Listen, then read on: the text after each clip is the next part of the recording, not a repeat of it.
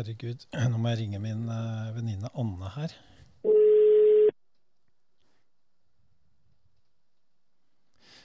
Og hun tar telefonen. Hei, Jostein. Hei, Anne.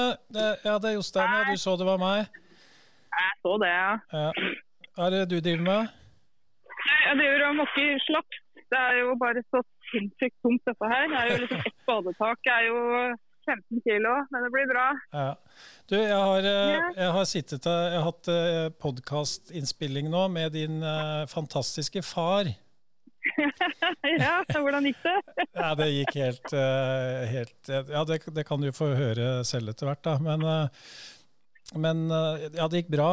Og så, Jeg har litt dårlig samvittighet for at jeg ringer deg nå, da, fordi du skulle kanskje vært coachen min fra starten av her. Men nå sitter jeg med et stort problem.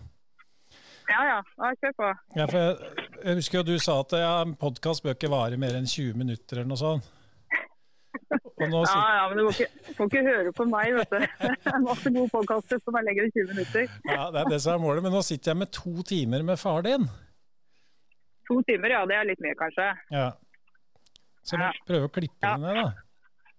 Ja, det, det kan jo være greit. Da får du gjøre sånn som de, man gjør eh, når man skal lage god radio. Vet du. Det er også det heter på engelsk 'kill your darlings'. Da må du liksom, du tenker å det er bra, og det er bra, og det er bra. Men da må du egentlig bare velge gullrekka og det som er bra, og så må du utelate noe, kanskje. Ja. Men tror du faren din blir sint hvis jeg tar bort noe? Nei, han blir ikke sint. Han, har, han er jo en mann med masse gode historier. og det er så, så Bare velg de du syns er mest spennende for deg. Så, eh, så tar du liksom Det der kommer sikkert til å bli bra. Var det, mange, var det mye, var det mye bihistorier, eller?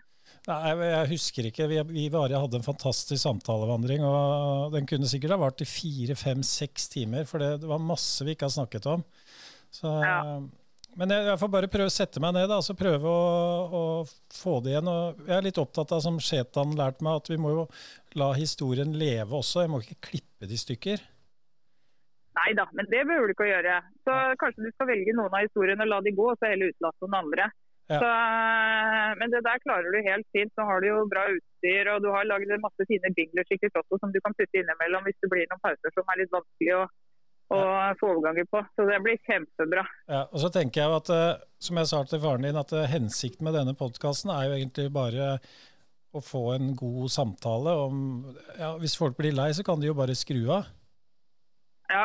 De trenger jo ikke å høre mora hele. mi Nei, mora mi sa, jeg snakka med henne før i dag, og så sa hun at eh, han skulle dette i dag. Og så sa hun at hun hadde gitt han en beskjed, og det var at han måtte snakke tydelig. Snakka han tydelig, eller? Veldig. Vel, Bare Ja, gled deg, bra. Anne. Gled deg. Jeg lurer på om jeg skal kjøre, Vi starter hele podkasten med, den, eh, med den samtalen her. Og så går vi rett på, på jingle, og så får du bare glede deg til å høre det. Ja, det blir strålende. Jeg gleder meg. Skal Mm. høre. Høres jeg bra ut eh, for deg nå? Veldig bra. Snakker jeg tydelig nok? Veldig. Ja, greit. Shut up and sit down.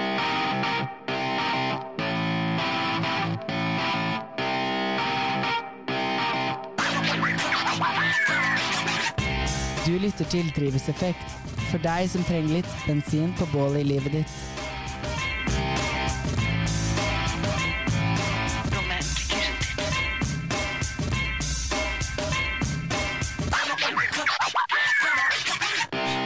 Denne podkasten er levert av Inforegi AS. Shut up and sit down. Hei, kjære lytter. Eh, hvor enn du er, dette er Jostein, og jeg er tilbake med episode to, nei, tre blir det nå i Drivhuseffekt. Eh, og dette er en eh, episode jeg har gleda meg veldig til. Eh, vi skal ut på en samtalevandring med en eh, klok, gammel mann. Fordi jeg tror han eh, faktisk eh, er av de som står fram som gamle. Eh, vi skal møte deg, Sjur. Velkommen. Takk skal du ha. Velkommen til Drivhuset. Ja, jeg gleder meg til dette her. Ja. Det er skikkelig drivhus, dette her. Du, har- du har aldri vært på sånn der med mikrofon og radio før? Nei, jeg kan iallfall ikke huske det at uh, jeg har vært det. Nei. Nei. Selv om jeg har et, uh, en datter da, som driver, har drevet en del med det. Ja, hun er jo et av mine forbilder, så det er er litt rart. Og litt, kanskje hun blir litt sånn uh, irritert på meg at jeg liksom introduserer deg til dette mediet? Nei, hun er sjenerøs. Ja, hun er det. Du, vi snakket om, eller Jeg nevnte det der med gammel mann, for jeg syntes det var litt gøy når jeg ringte deg og spurte om du ville være med på dette. Og så sa jeg at det en av de tingene som jeg syns er litt spennende da, for meg som er en mann på eh, 51 nå, jeg begynner å føle meg litt gammel, og så er jo du 30 år eldre enn meg, og så sa jeg at et av temaene vi kanskje kan komme inn på, er dette å være en gammel mann. Og så sa du at ja, jeg står faktisk fram som en gammel mann. Ja, jeg gjør faktisk det. Det å bli gammel, det er rett og slett å erkjenne eh, at man eh, faktisk eh, har vært gjennom et langt liv. Ja. Og det å ha vært gjennom et langt liv, det er faktisk en gave. Det er fantastisk, syns jeg, å få lov å, å, få lov å leve altså, i 83 år, som jeg nå er. Mm. Så jeg har ingen problemer med å kalle meg gammel, selv om det også innebærer en god del andre ting. Ja. At det å bli gammel, det er jo også faktisk at man må innse at ens år er talte. Eh, alt man, mange ting man gjør. Det er som å kjøpe en ny bil. Si meg, kommer jeg til å ha denne bilen her til jeg må skifte på nytt igjen? Mm. Og en del sånne eh, rariteter, eller skal vi si spesielle tanker, dukker opp. Og det å ha et forhold til det at eh, livet har en ende, Ja. det er også veldig viktig med å bli gammel. Syns du det er vanlig altså, er også, Jeg har faktisk, jeg er 50, Ja. og jeg begynner jo å merke en del ting eh, allerede. Ja. Altså Jeg begynner å se dårlig, jeg begynner å kjenne at jeg har en prostata. Eh, jeg, jeg, jeg begynner å føle meg gammel, og så tenker jeg det er jo 30 år til jeg er der du er. Eh, og jeg tenker også nå når jeg pusser opp taket nå, så er det kanskje siste gang. Men tenker du nå på alt du gjør, at det er kanskje siste gang? Nei, det gjør jeg ikke, men det dukker opp av og til. Men jeg husker jo når jeg var 50 år, da var jeg jo en ungdom. Ja. Så du er en ungdom enda. Ja, og det er kanskje litt derfor jeg også ønsker å ha deg her, for å få den følelsen tilbake at Jostein, du er ung. Sånn at etter denne sendingen så tenker jeg ah, jeg er jo ikke halvveis engang. Nei, du er ikke halvveis.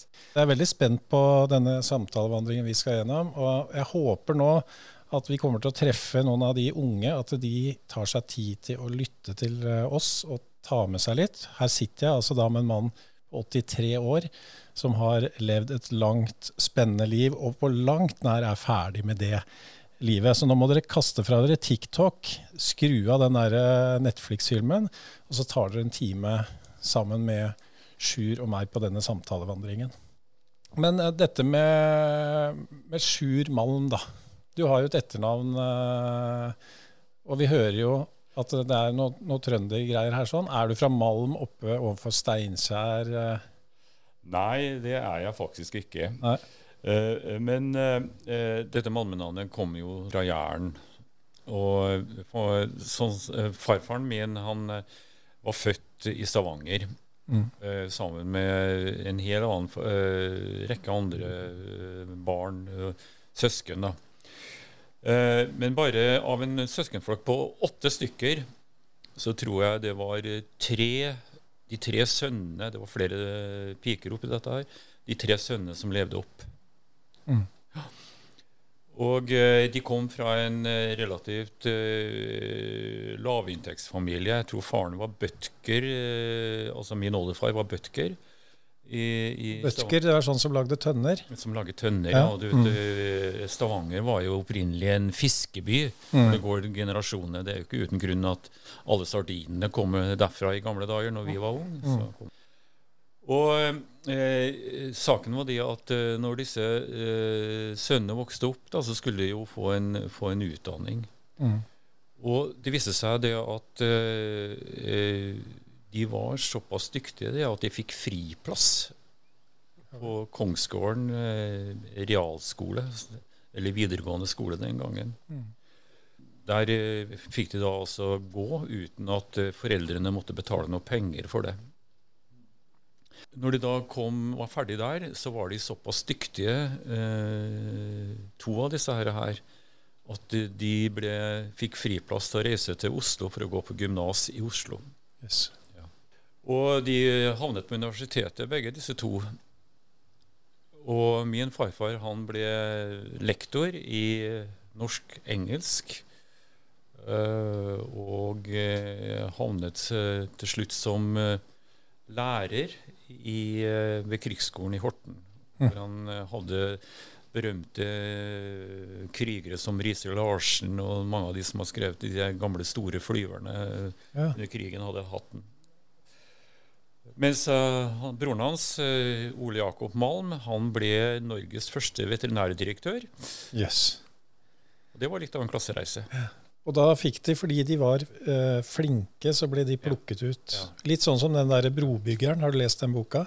Ja, jeg har lest Brobyggeren. Ja. Litt ja, det, Det er en av mine ja, favoritter. Ja, ja, ja, Brobyggeren Ja. kjenner jeg. Jeg har lest den med stor interesse. God bok. Ja.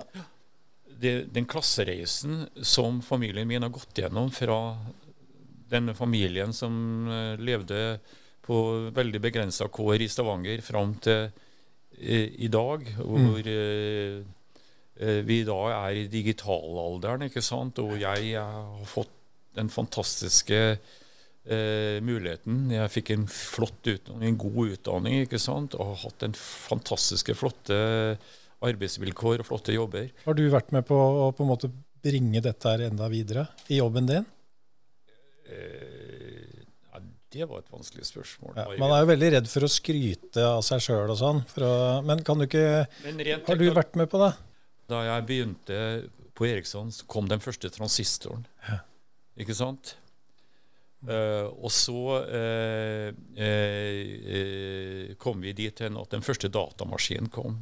Mm. Og jeg var med på å innføre de første datamaskinene rundt omkring i Telenor. Og så kom jo mobilkommunikasjonen inn, som, Mm.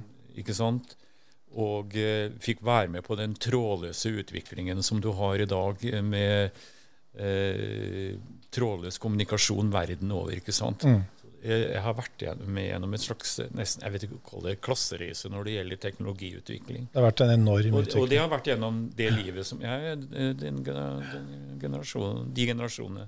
Og du, du har reist rundt i verden og bygd ut mobilnett, de første mobilnettene. Ja, jeg har reist ifra ja, Murmansk i nord. Jeg Har reist innover grensen der eh, like etter glasnost.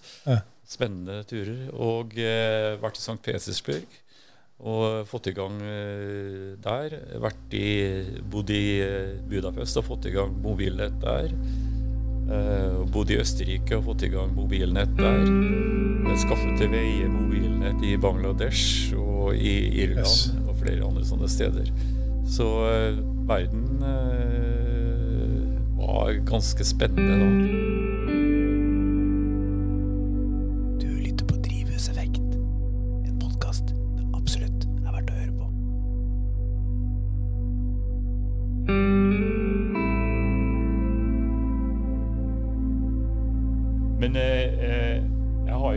Større problemer med navnet Sjur. Ok, for. Eh, jo, fordi at Sjur er jo et bergensk navn.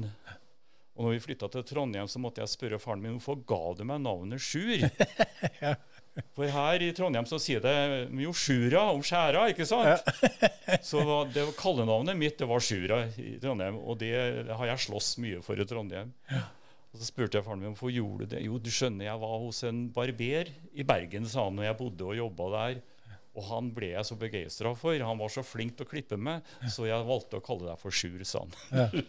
Og hva var det faren din var? Faren min var også ingeniør. Ja. Han heter jo Ove, da. Han hadde jo fått et mye bedre fornavn enn jeg. Men du har levd godt med det? Ja, du har jo levd bedre og bedre med det. Vi hadde jo Sjur Lindebrekke, jeg husker den første politikeren. Men jeg gikk faktisk i, i 20 år før jeg hilste på den første som heter Sjur, ja. Ja. Det er et fint navn. Det, og du har båret det, og du, vi kan jo si at du har gitt det navnet Jeg tipper at i, i, her i den kommunen vi sitter, det er sikkert veldig mange som kaller barnet sitt Sjur nettopp pga. deg. Tror du ikke det? Ja, nei, jeg er ikke så naiv at jeg tror det. Har du noen barnebarn som heter Sjur? Nei, det det- har jeg ikke. Så de, jeg, og så satt jeg her og diskuterte rundt bordet hva skal jeg kalle barna mine. De satt og diskuterte disse barnebarna. Så tenkte jeg nå kanskje kommer Sjur opp. Nei da, Sjur kommer ikke opp. så jeg var, litt, jeg var litt skuffet, da. Ja, det er jeg enig i. Men uh, hvis noen hører på det her, da, så det er jo enda ikke for seint.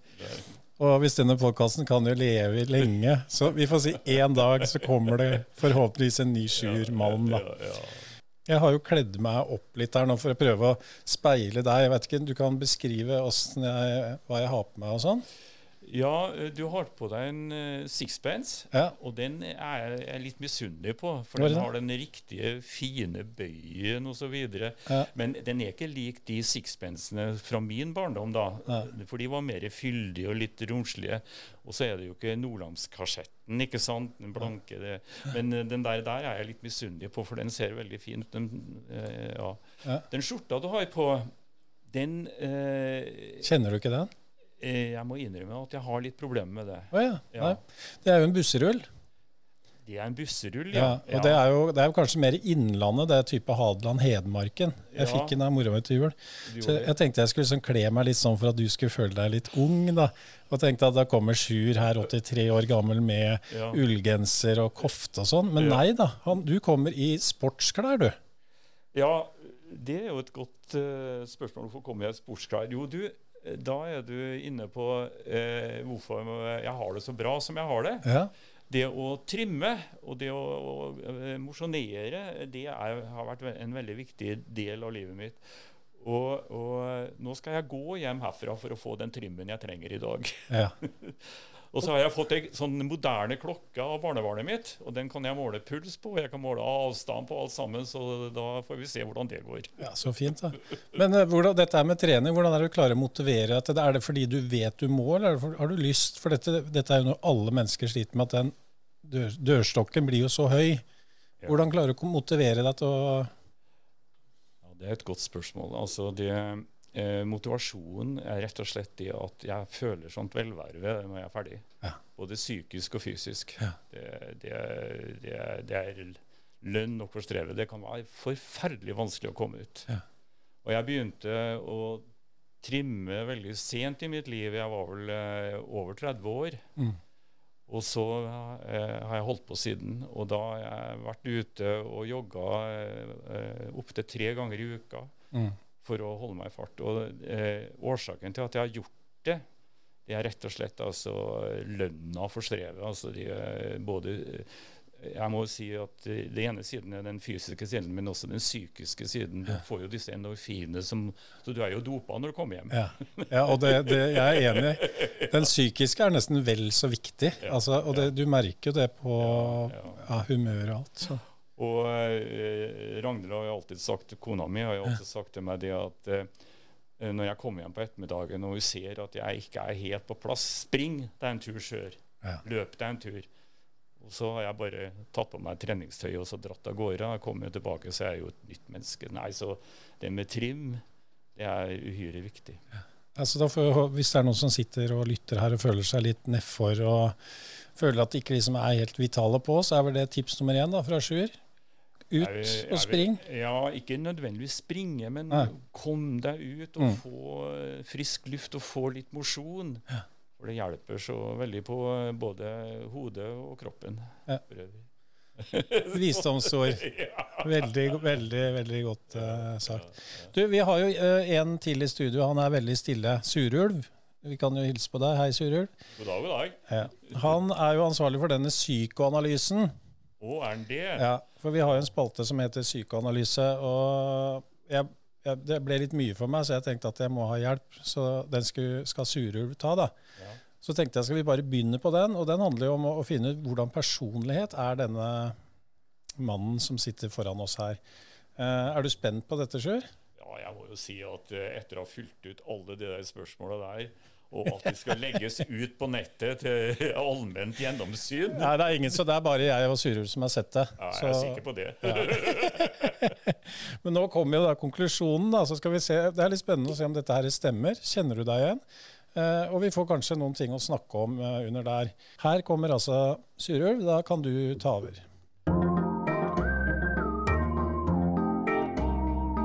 Psykoanalyse.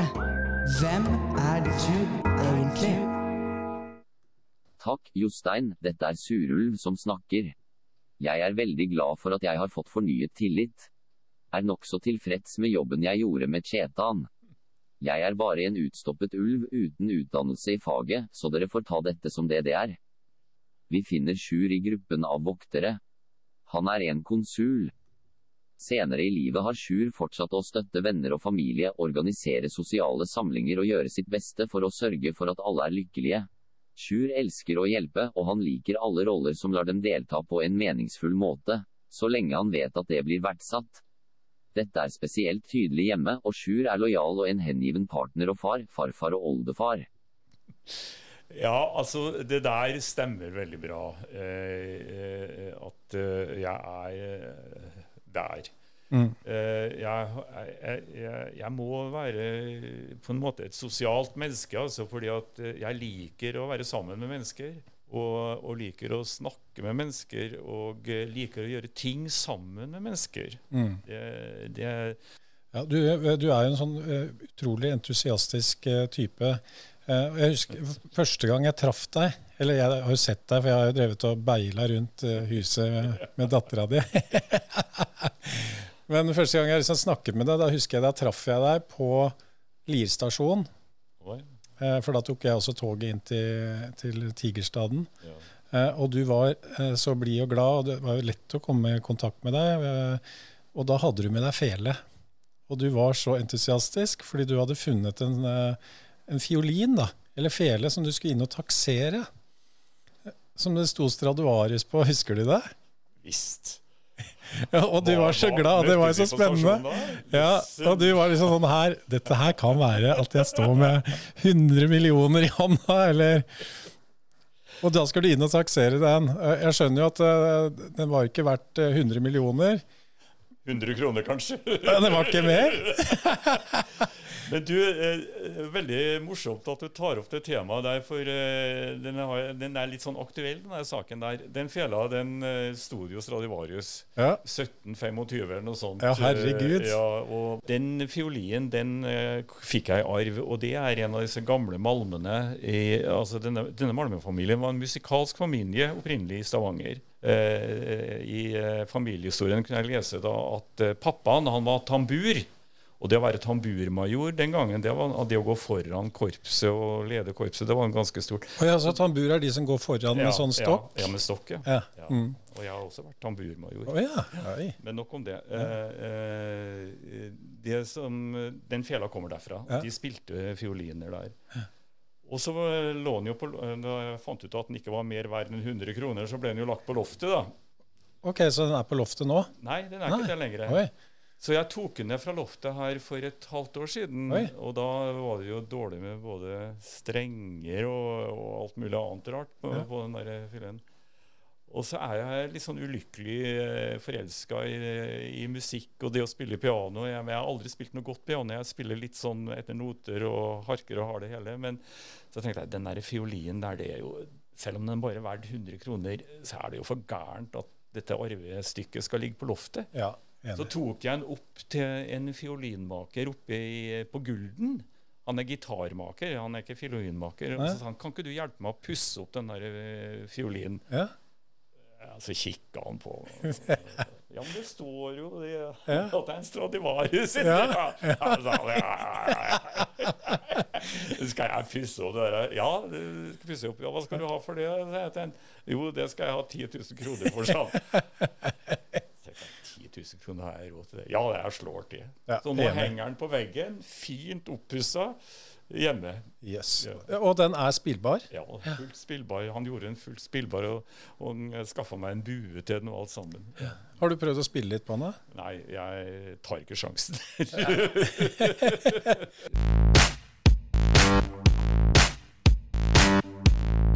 Du lytter til Drivhuseffekt, for deg som trenger litt bensin på bålet i livet ditt.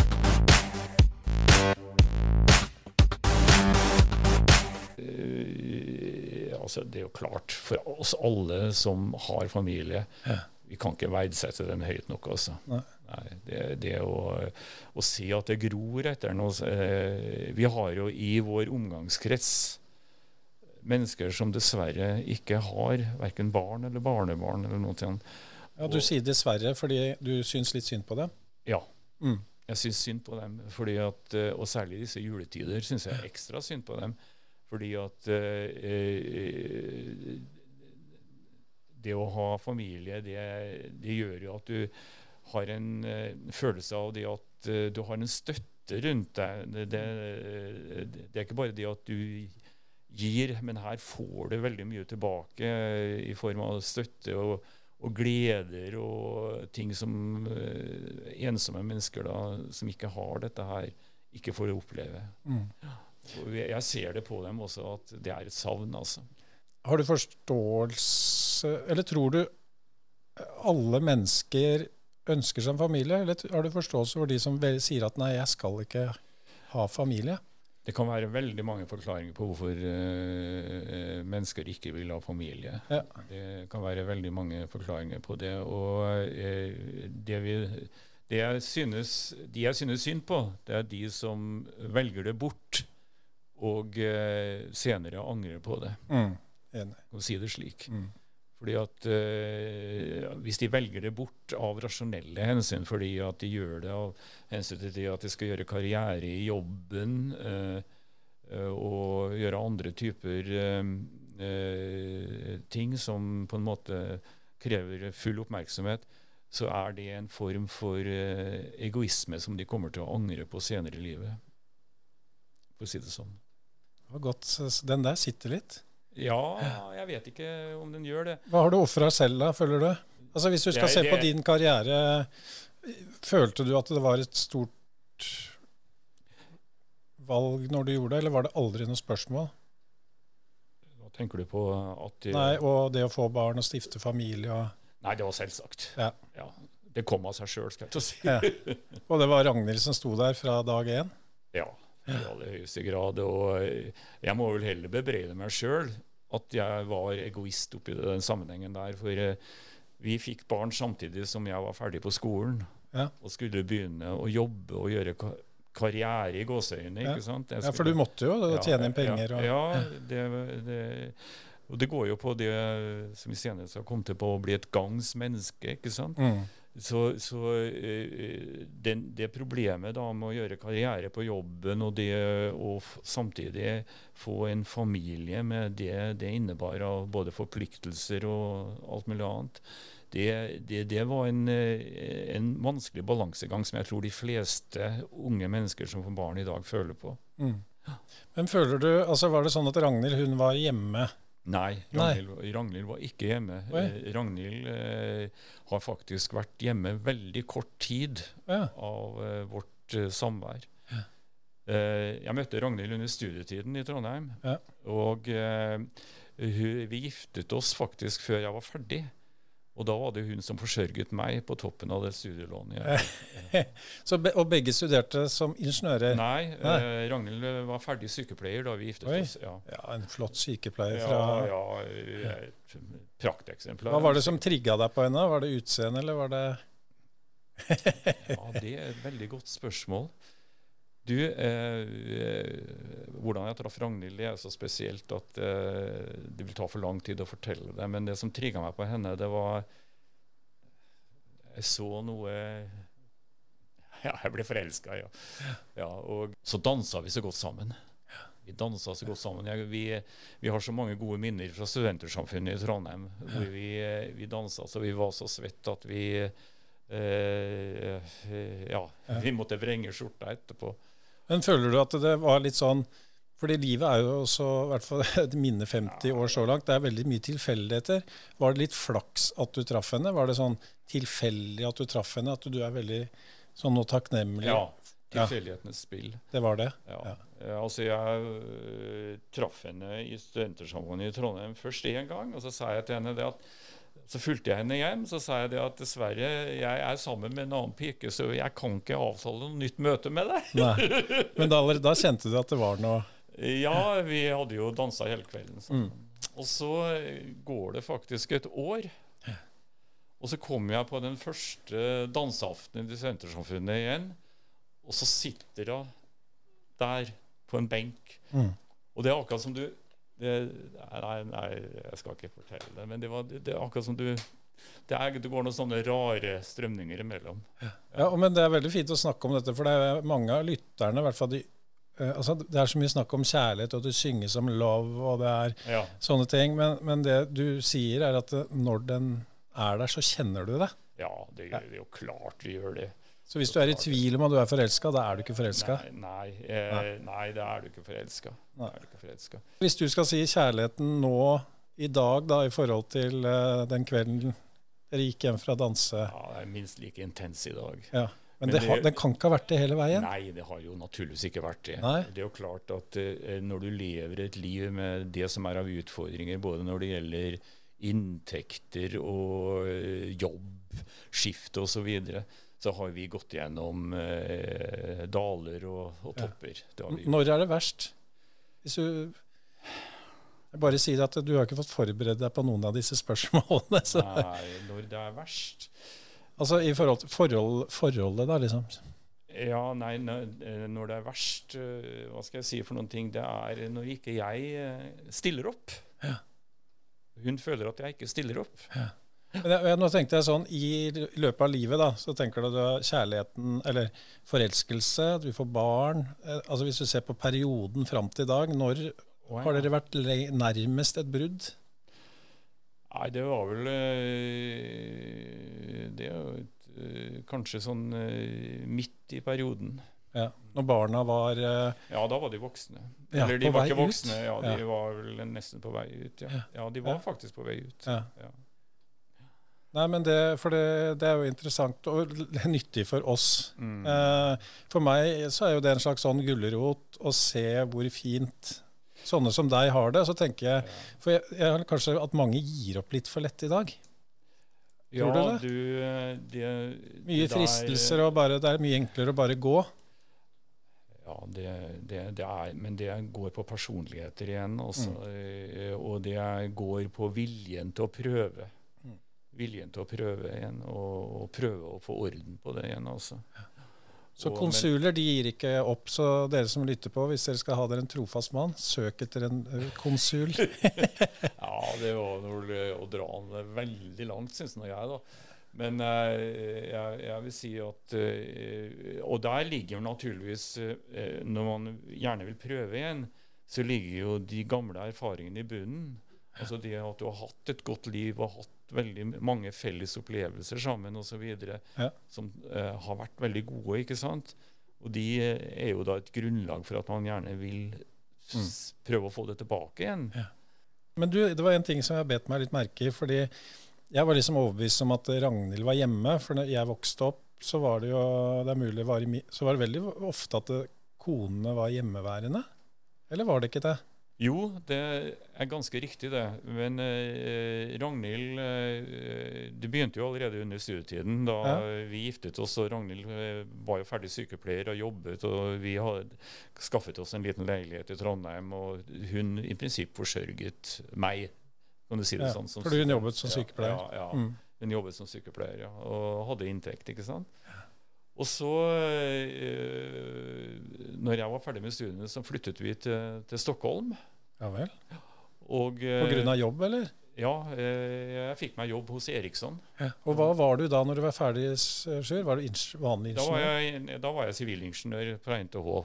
I, er du sivilingeniør i et fag, eller er det Ja, ja, jeg er sivilingeniør i Altså, linjen heter jo svakstrømsteknikk. Ja. Uh, alt under, 0, uh, under 25 milliampere får vi lov å stelle på. Vi får ikke lov å gå på sikringen i huset, vi, selv om jeg har gjort det flere ganger. Men uh, eh, eh, så eh, fikk jeg jobb eh, hos Eriksson i, i Stockholm. Ja.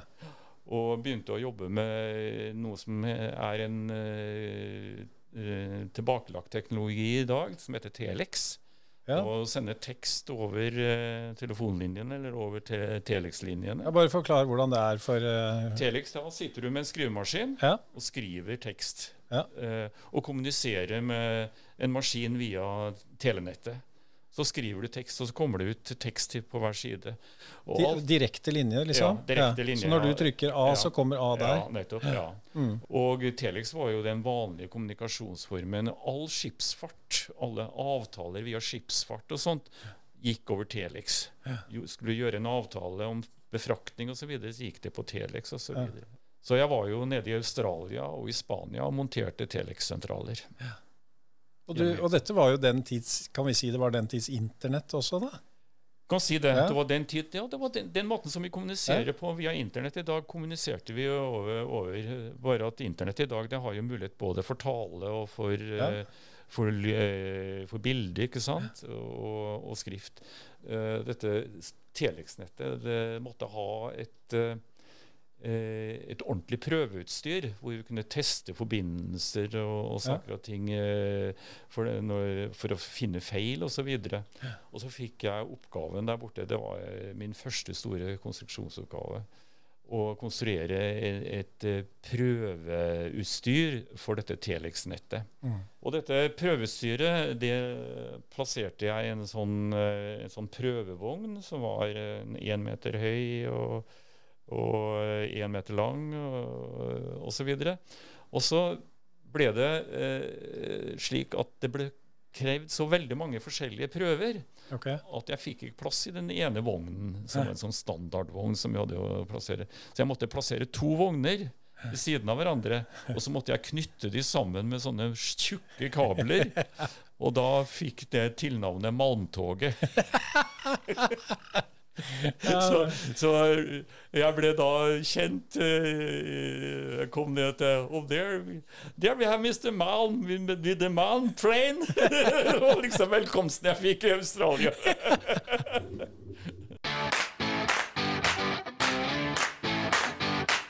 Denne podkasten er presentert av Inforegi. Vi gjør en forskjell i den norske skole gjennom viktige artikler i Foreldrepulsen.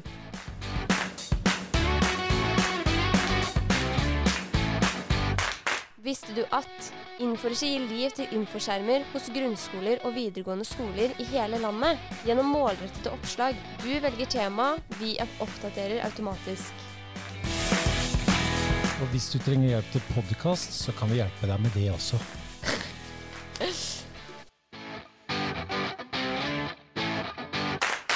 Det beste en med Sjur hans evne til å være en rollemodell, ta vare på det han kan ta vare på, og glede seg over at så mange mennesker setter pris på innsatsen han gjør. Sjur er født i stjernetegnet Skorpionen. Dette understøtter langt på vei min analyse.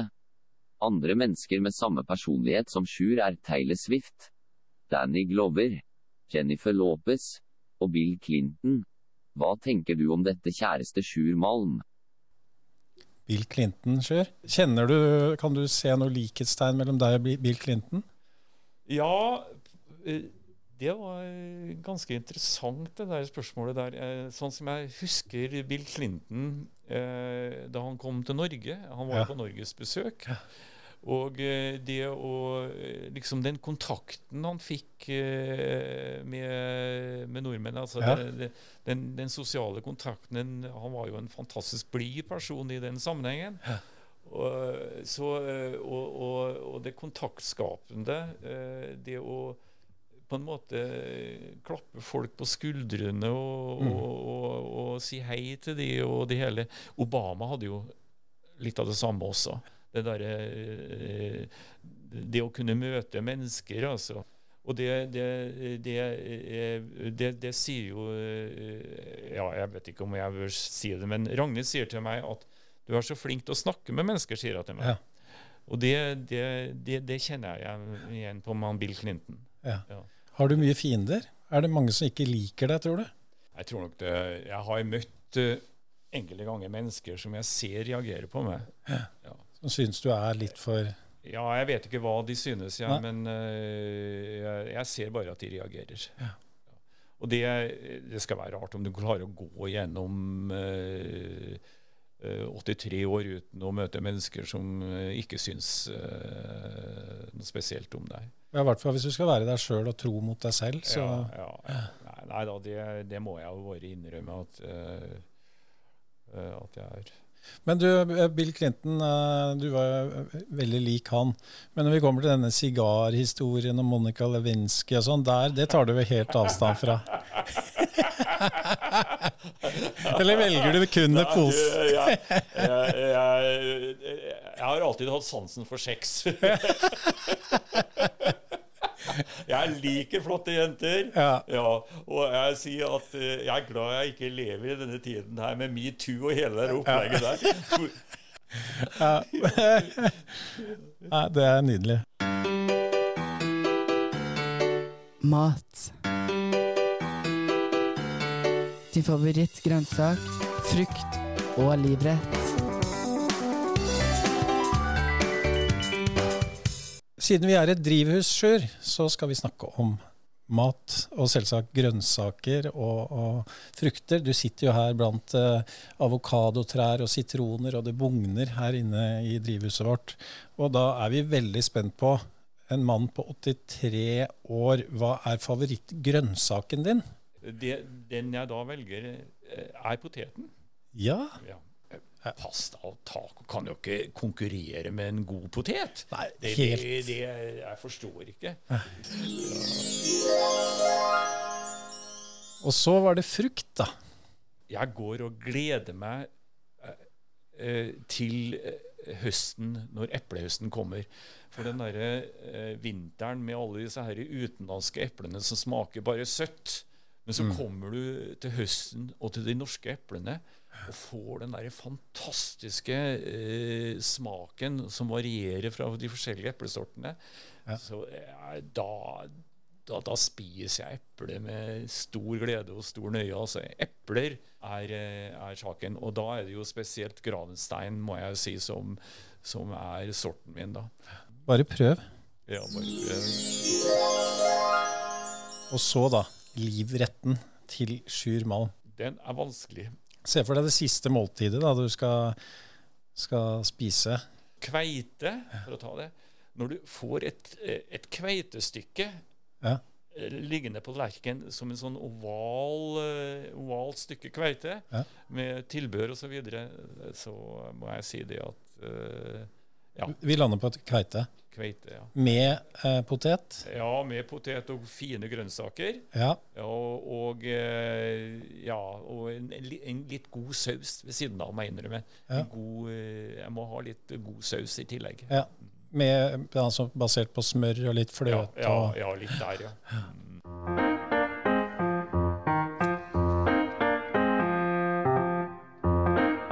Anbefaling. En spesiell kulturell ting du er besatt av.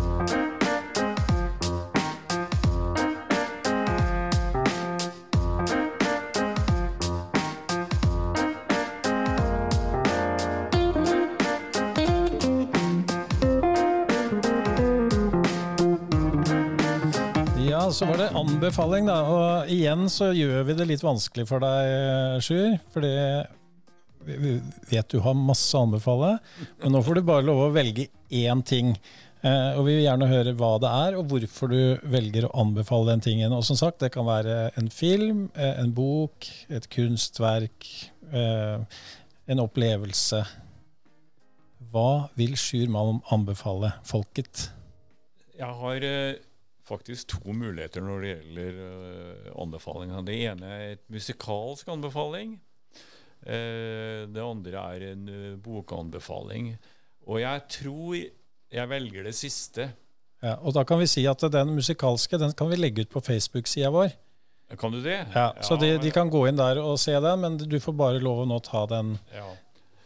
Nei, altså jeg, jeg eh, er eh, en beundring av eh, Roy Jacobsens bøker. Og han har skrevet eh, en serie bøker, det er fire bøker det er snakk om, som heter Barrøy-serien. Og denne Barrøy eh, er ei lita øy oppe i Nord-Norge, eh, sånn på høyde med Sandnessjøen og der omkring et eller annet sted. Jeg har ikke helt klart å Roy Jacobsen kommer jo selv ovenfra der. Oh, ja. eh, Dvs. Si moren hans kommer ovenfra der. Mm. Så han er veldig godt kjent i miljøet der oppe. Og har skrevet eh, da fire bøker om en familie som holder til på Barøy. Sånne bøker elsker jeg. Ja, og hvis du da elsker slike bøker, så skal du ta fatt på disse bøkene her. Men det som egentlig er bakgrunnen for hvorfor jeg liker eh, de bøkene, det er at eh, det beskriver mennesker som eh, jobber for å, å overleve, i prinsipp, i gåseøyne overleve. De jobber for livet, ikke sant? Mm. Det er, det, er, det er nesten litt sånn fra hånd til munn. Mange av disse menneskene lever ute på den der øya der. Det det gir meg assosiasjoner til, det er rett og slett Da er vi eh, tilbake til mine, da jeg var 20 år og på Svalbard. Ja vel, du har vært på Svalbard? Jeg har vært der i eh, en sesong, 57-58. Og der møtte jeg de, mange mennesker som var akkurat av samme typen støtning, og ble full av beundring. Det var de som støtta meg inne i gruva når jeg var redd og alt det der. Og hva- Bare litt tilbake der. Du var til, reist til Svalbard i 57-58. Da var du ca. 20 år. Jeg fylte 20-årsdagen min der oppe. Ja, og du dro opp dit alene. Ja, jeg dro dit opp for å tjene penger til studiene. Og da skulle du jobbe i en gruve. Så jobber jeg i gruve 1 i Svalbard, som var den eldste gruva der oppe den gangen. Yes. Ja. Og vi jobbet jo i lag på tre mann over tre skift. Og uh, uten å gå nærmere inn på det, da, men uh, min første jobb det var å grave uh, sammen med mine arbeidskamerater en lang tunnel innover i kullaget.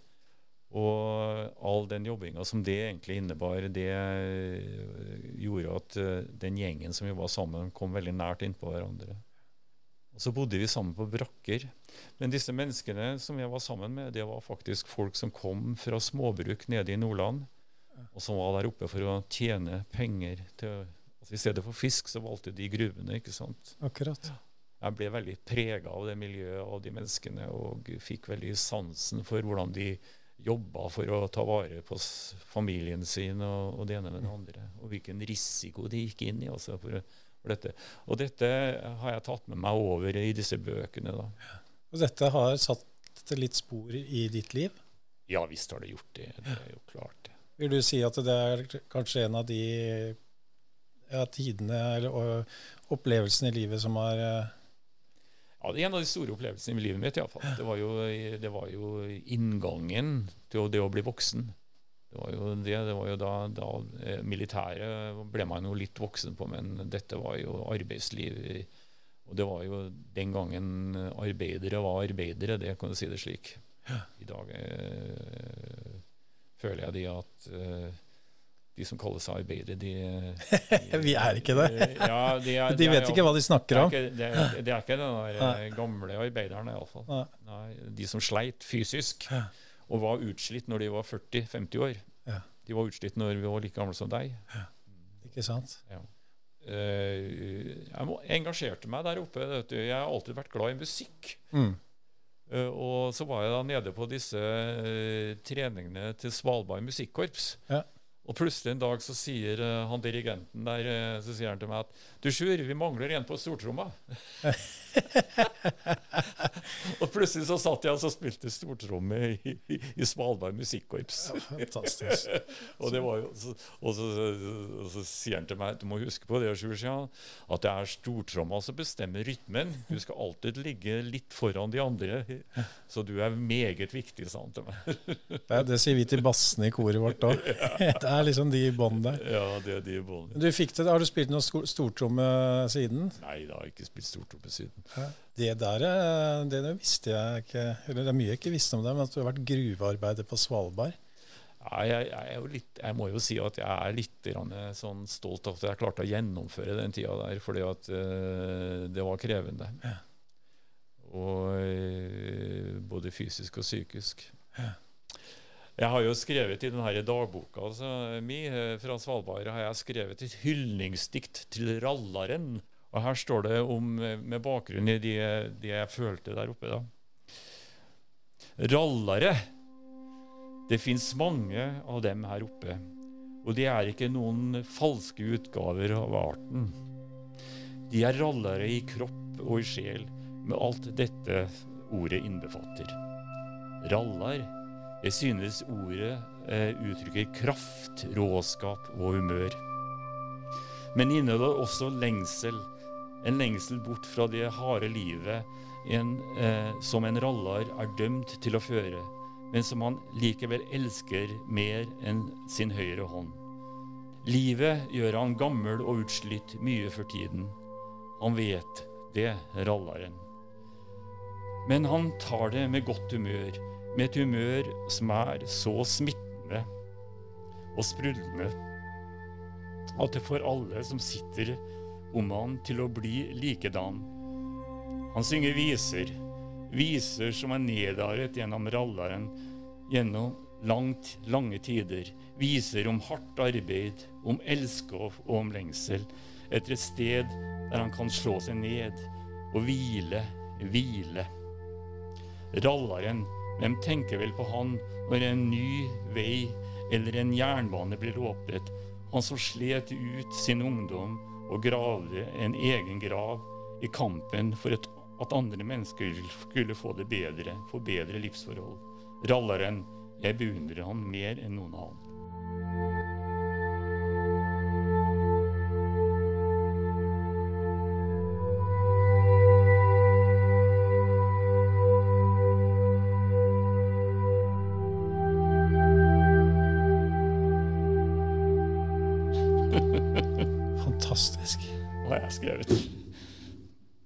Som 20-åring. Ja, jeg skrev jo det som 20-åring. I ensomheten der oppe i Ja, eh, altså det, det er jo en, et uttrykk for den beundringen jeg egentlig føler for de menneskene der oppe. da. Mm. Og som også ligger litt i det der med den, den boken. da. Men jeg husker det, vi, eh, når vi skulle gå inn i gruva første dagen, så gikk vi flere hundre meter i dyp sne oppover til vi kom til gruveåpningen. Og så går vi inn i gruveåpningen. Og fremst i den der gjengen på tre stykker så går rallaren. En tynn, spjælete person. Glad nordlending, vet du. Med eh, hjelmen på snei. Og så kom vi inn i gruva, så tenker jeg meg sjøl Sjur, klarer du dette her? Får ikke du klaustrofobi? ikke sant? Mm. Og alt det som egentlig følger med å gå inn i sånne gruveganger. Så plutselig så setter han i gang å synge rallarsanger. Ja. Så synger vi oss innover i gruva. Inn på jobben. Og den sangen har du tatt med deg gjennom hele livet ditt. ja. Tar, historien har jeg tatt med, da. Og opplevelsen. Så det var inngangen. Det var en fantastisk ja, Det der var eh, fint, eh, Sjur. Har Vet du hvordan det gikk med disse rallerne? Det gikk vel kanskje som du beskrev i det diktet? Ja, det gjorde nok det. Ja. Men en gang vi lå Det var første påske... Nei, det må ha vært tredje påskedag. Vi ligger inne på Strossa, som det heter, som heter arbeidsfeltet der inne. Og så, eh, så sier eh, Så ligger vi der, og så var vi jo alt opp på hva som skjedde i fjellet over oss, og så plutselig så hører vi den lyden eh, som er den verste lyden du kan høre. Det vil si at da begynner fjellet å komme. Og så begynner jeg å krype ut for å komme Mm. meg ut eh, av den der, eh, der vi jobba. Den stedet Strossa. Og så plutselig så ble jeg grepet tak i av eh, rundt ankelen. Og så ble jeg dratt tilbake. Og så sier han 'Sjur, Sjur, vi skal ikke ut. Vi skal lenger inn'. 'Lenger inn', sa jeg. 'Skal vi lenger inn?' Nå kommer jo fjellet. 'Ja, vi skal lenger inn', sa han. Og så krøyp vi helt inn i bunnen av den der tunnelen der, som jo ikke sant, det var ca. en en to meter brei, 70 cm høy. Å, ikke sant? Ja. Og så sa jeg, men hva, hva, hva, dette her, det, det rimer jo ikke. Jo, sa han. Det du ikke vet, sa han, er at vi har en nødutgang her bak, sa han. Ja. Å, gud, det var så lett. Og så ryr hele tunnelen full, eller strossa full, med store steinblokker. Så hadde jeg fått lov å krype ut, så hadde jeg ikke sittet her i dag. Tenk deg det. Ja, så det er jo sånne hendelser som du, du blir tatt vare på av arbeidskameraten din, ikke sant. Så Ja, og det, er, vet du hva, Jeg er så glad for at vi tok oss tid til å lese det diktet, for det, det var fint. Og det var egentlig en hyllest Ja. til disse me Ja. menneskene, og, Ja. og, og en, en takk til deg, fordi de, de redda og de ga ja, deg ja. noe med livet, og så ja, redda de livet Ja, ditt. de gjorde de redda livet mitt. De. Tusen takk til ralleren. Ja, tusen takk til Rallaren. Ja. Gjenbruk. En vandregjenstand fra forrige gjest.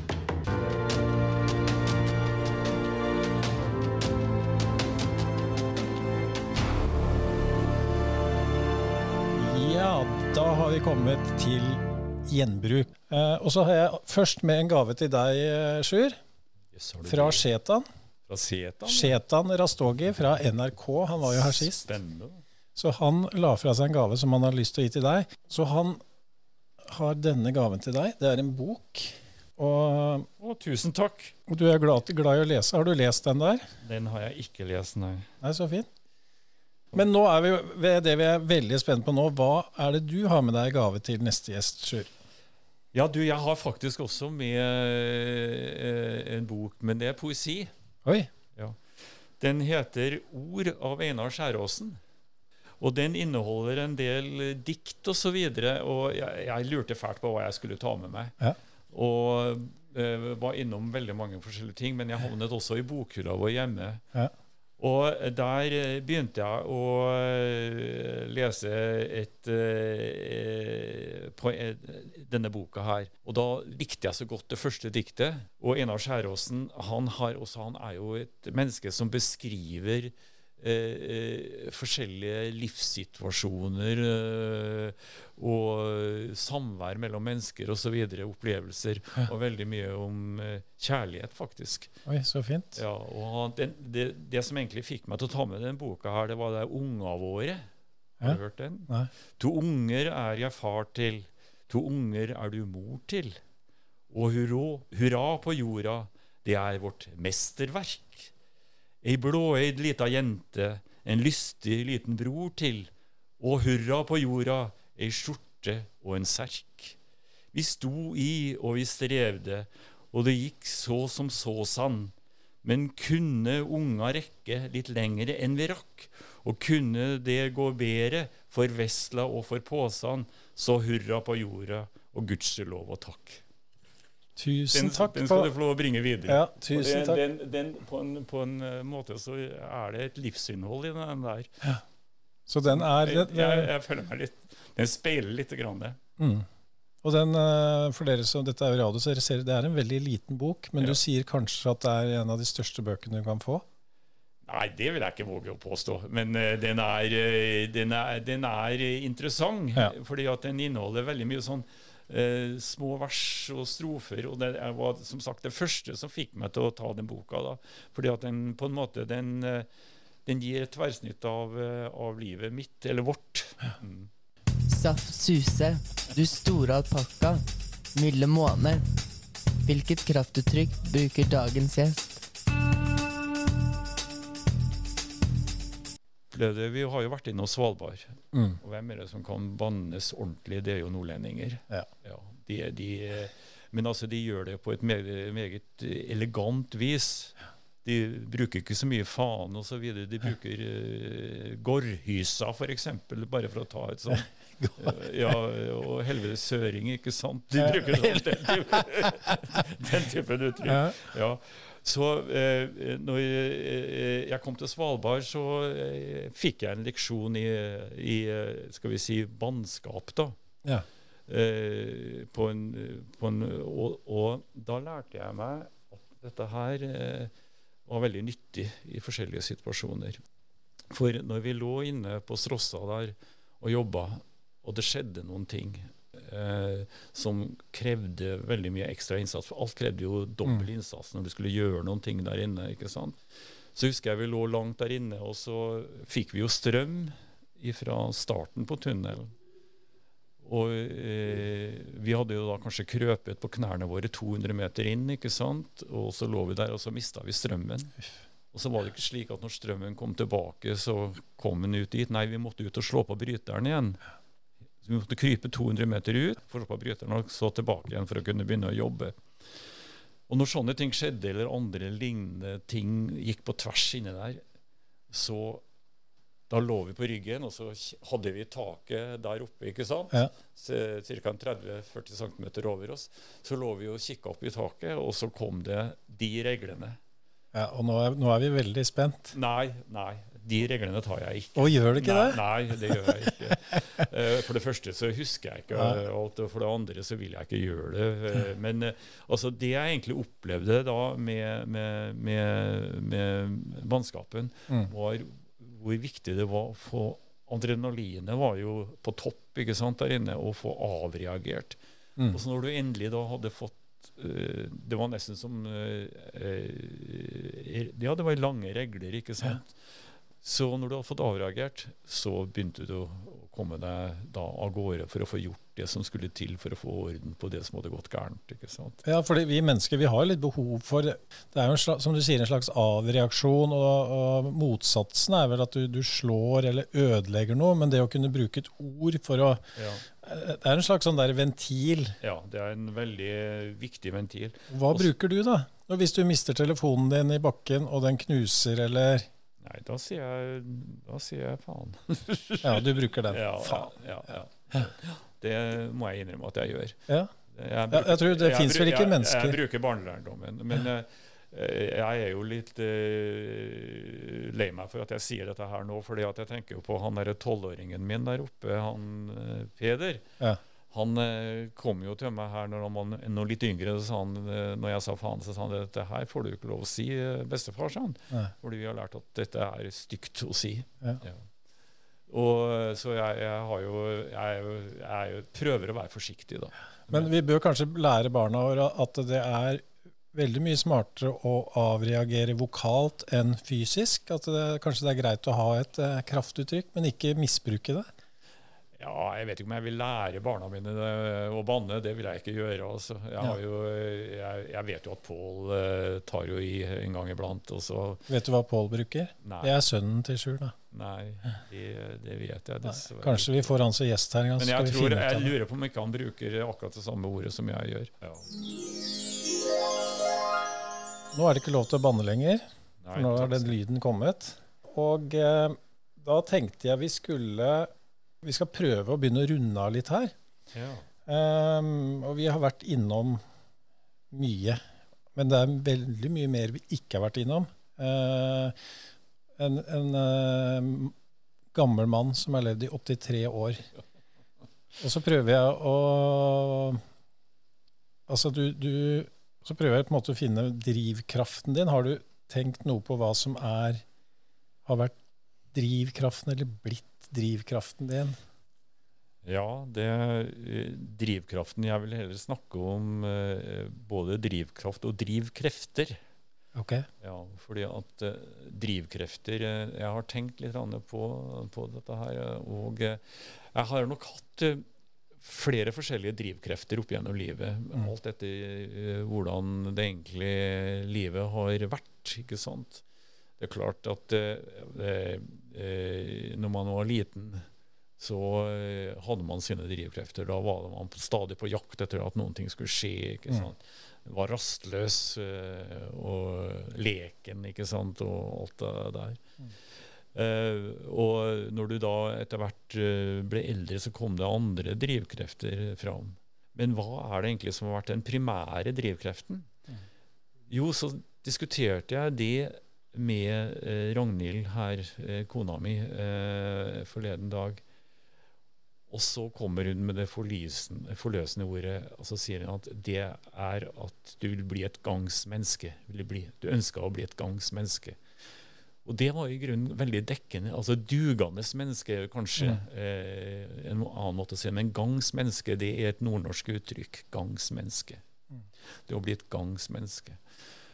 Og eh, jeg tror eh, både eh, i eh, utdanninga på, eh, jeg tok, og i jobben så har det hele tiden det å, å gjøre ting så de blir verdsatt. Ja.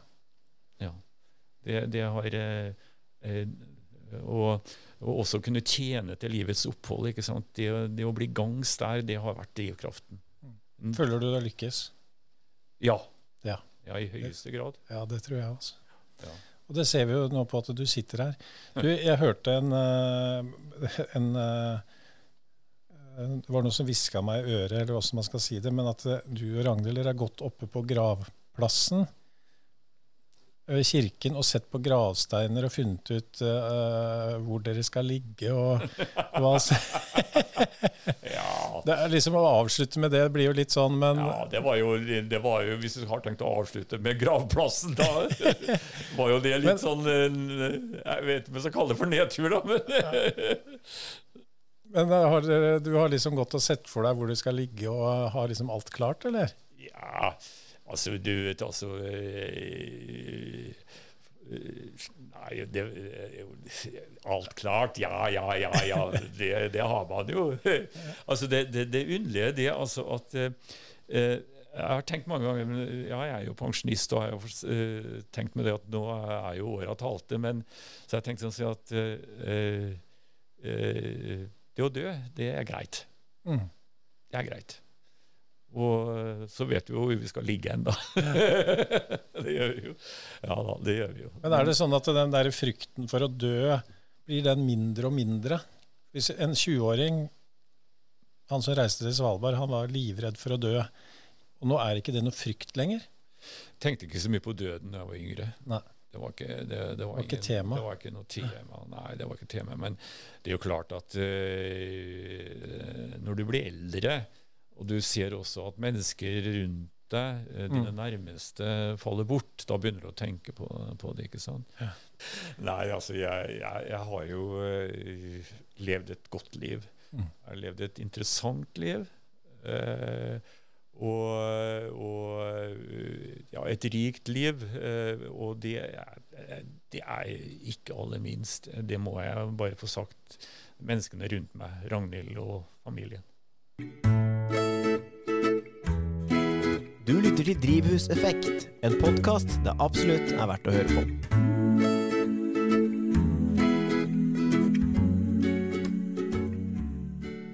Tror du om veien videre, Sjur? Nå har vi jo internett, og du har jo iPhone i lomma. Har det stoppet opp, eller vil dette bare fortsette? Hva tror du ditt barnebarn eh, kommer til å sitte og si som eh, 80-åring? det, det er et eh, veldig interessant spørsmål. Eh, mine barnebarn, eh, da tenker jeg på i første rekke eh, Jens, sønnen til Pål, han har jo blitt sykepleier. Der skjer det veldig mye rart. Og jeg husker jeg for noen år siden sa til Brage, som jeg er det barnebarnet til Anne, datteren vår, Ja. at kan ikke du starte med biologi? Mm. For det, det høres så interessant ut. Ja. Og eh, nå studerer han da kjemi i Trondheim. Og, han, har, eh, og det syns jeg er spennende. Og litt av det årsaken at jeg synes det er spennende, det er det som nå jeg kobler med det som har skjedd på de nye vaksinene. Man Ja, utvikler- det tenkte jeg på. Man utvikler Bra. jo vaksiner på en helt ny måte. Og da hørte jeg på et program i morges som, eh, eh, om de som ikke ville ta vaksine. Hva tenker du om det? Ja, jeg har mine tanker om det. Ja. Fordi at jeg har jo levd et langt liv. Og eh, jeg tror ikke jeg ville ha sittet her i dag uten at jeg har eh, kunnet ta de vaksinene som vi har hatt tilbud om. Vi har hatt eh, Under krigen husker jeg vi dro og tok difterivaksiner. To sprøyter tok vi. Det sitter ennå arr igjen på skulderen, og mange av mine samtidige husker sikkert det der. Så kom tuberkulosen. Så fikk vi tuberkulosevaksiner.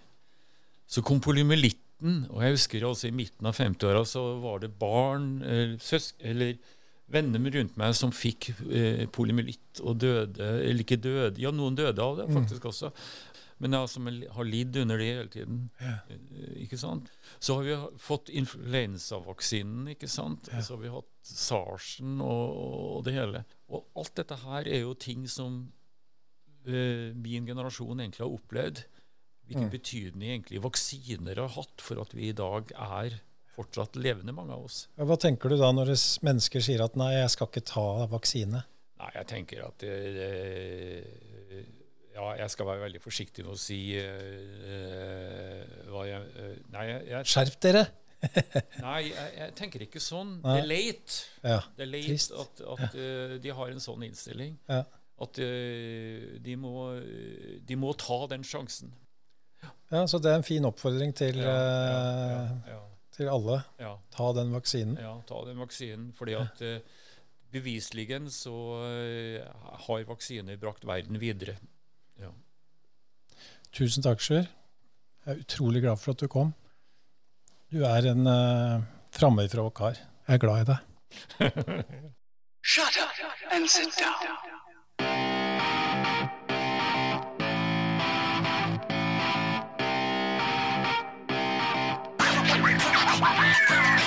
Denne podkasten er levert av Inforegi AS. Innhold over tid.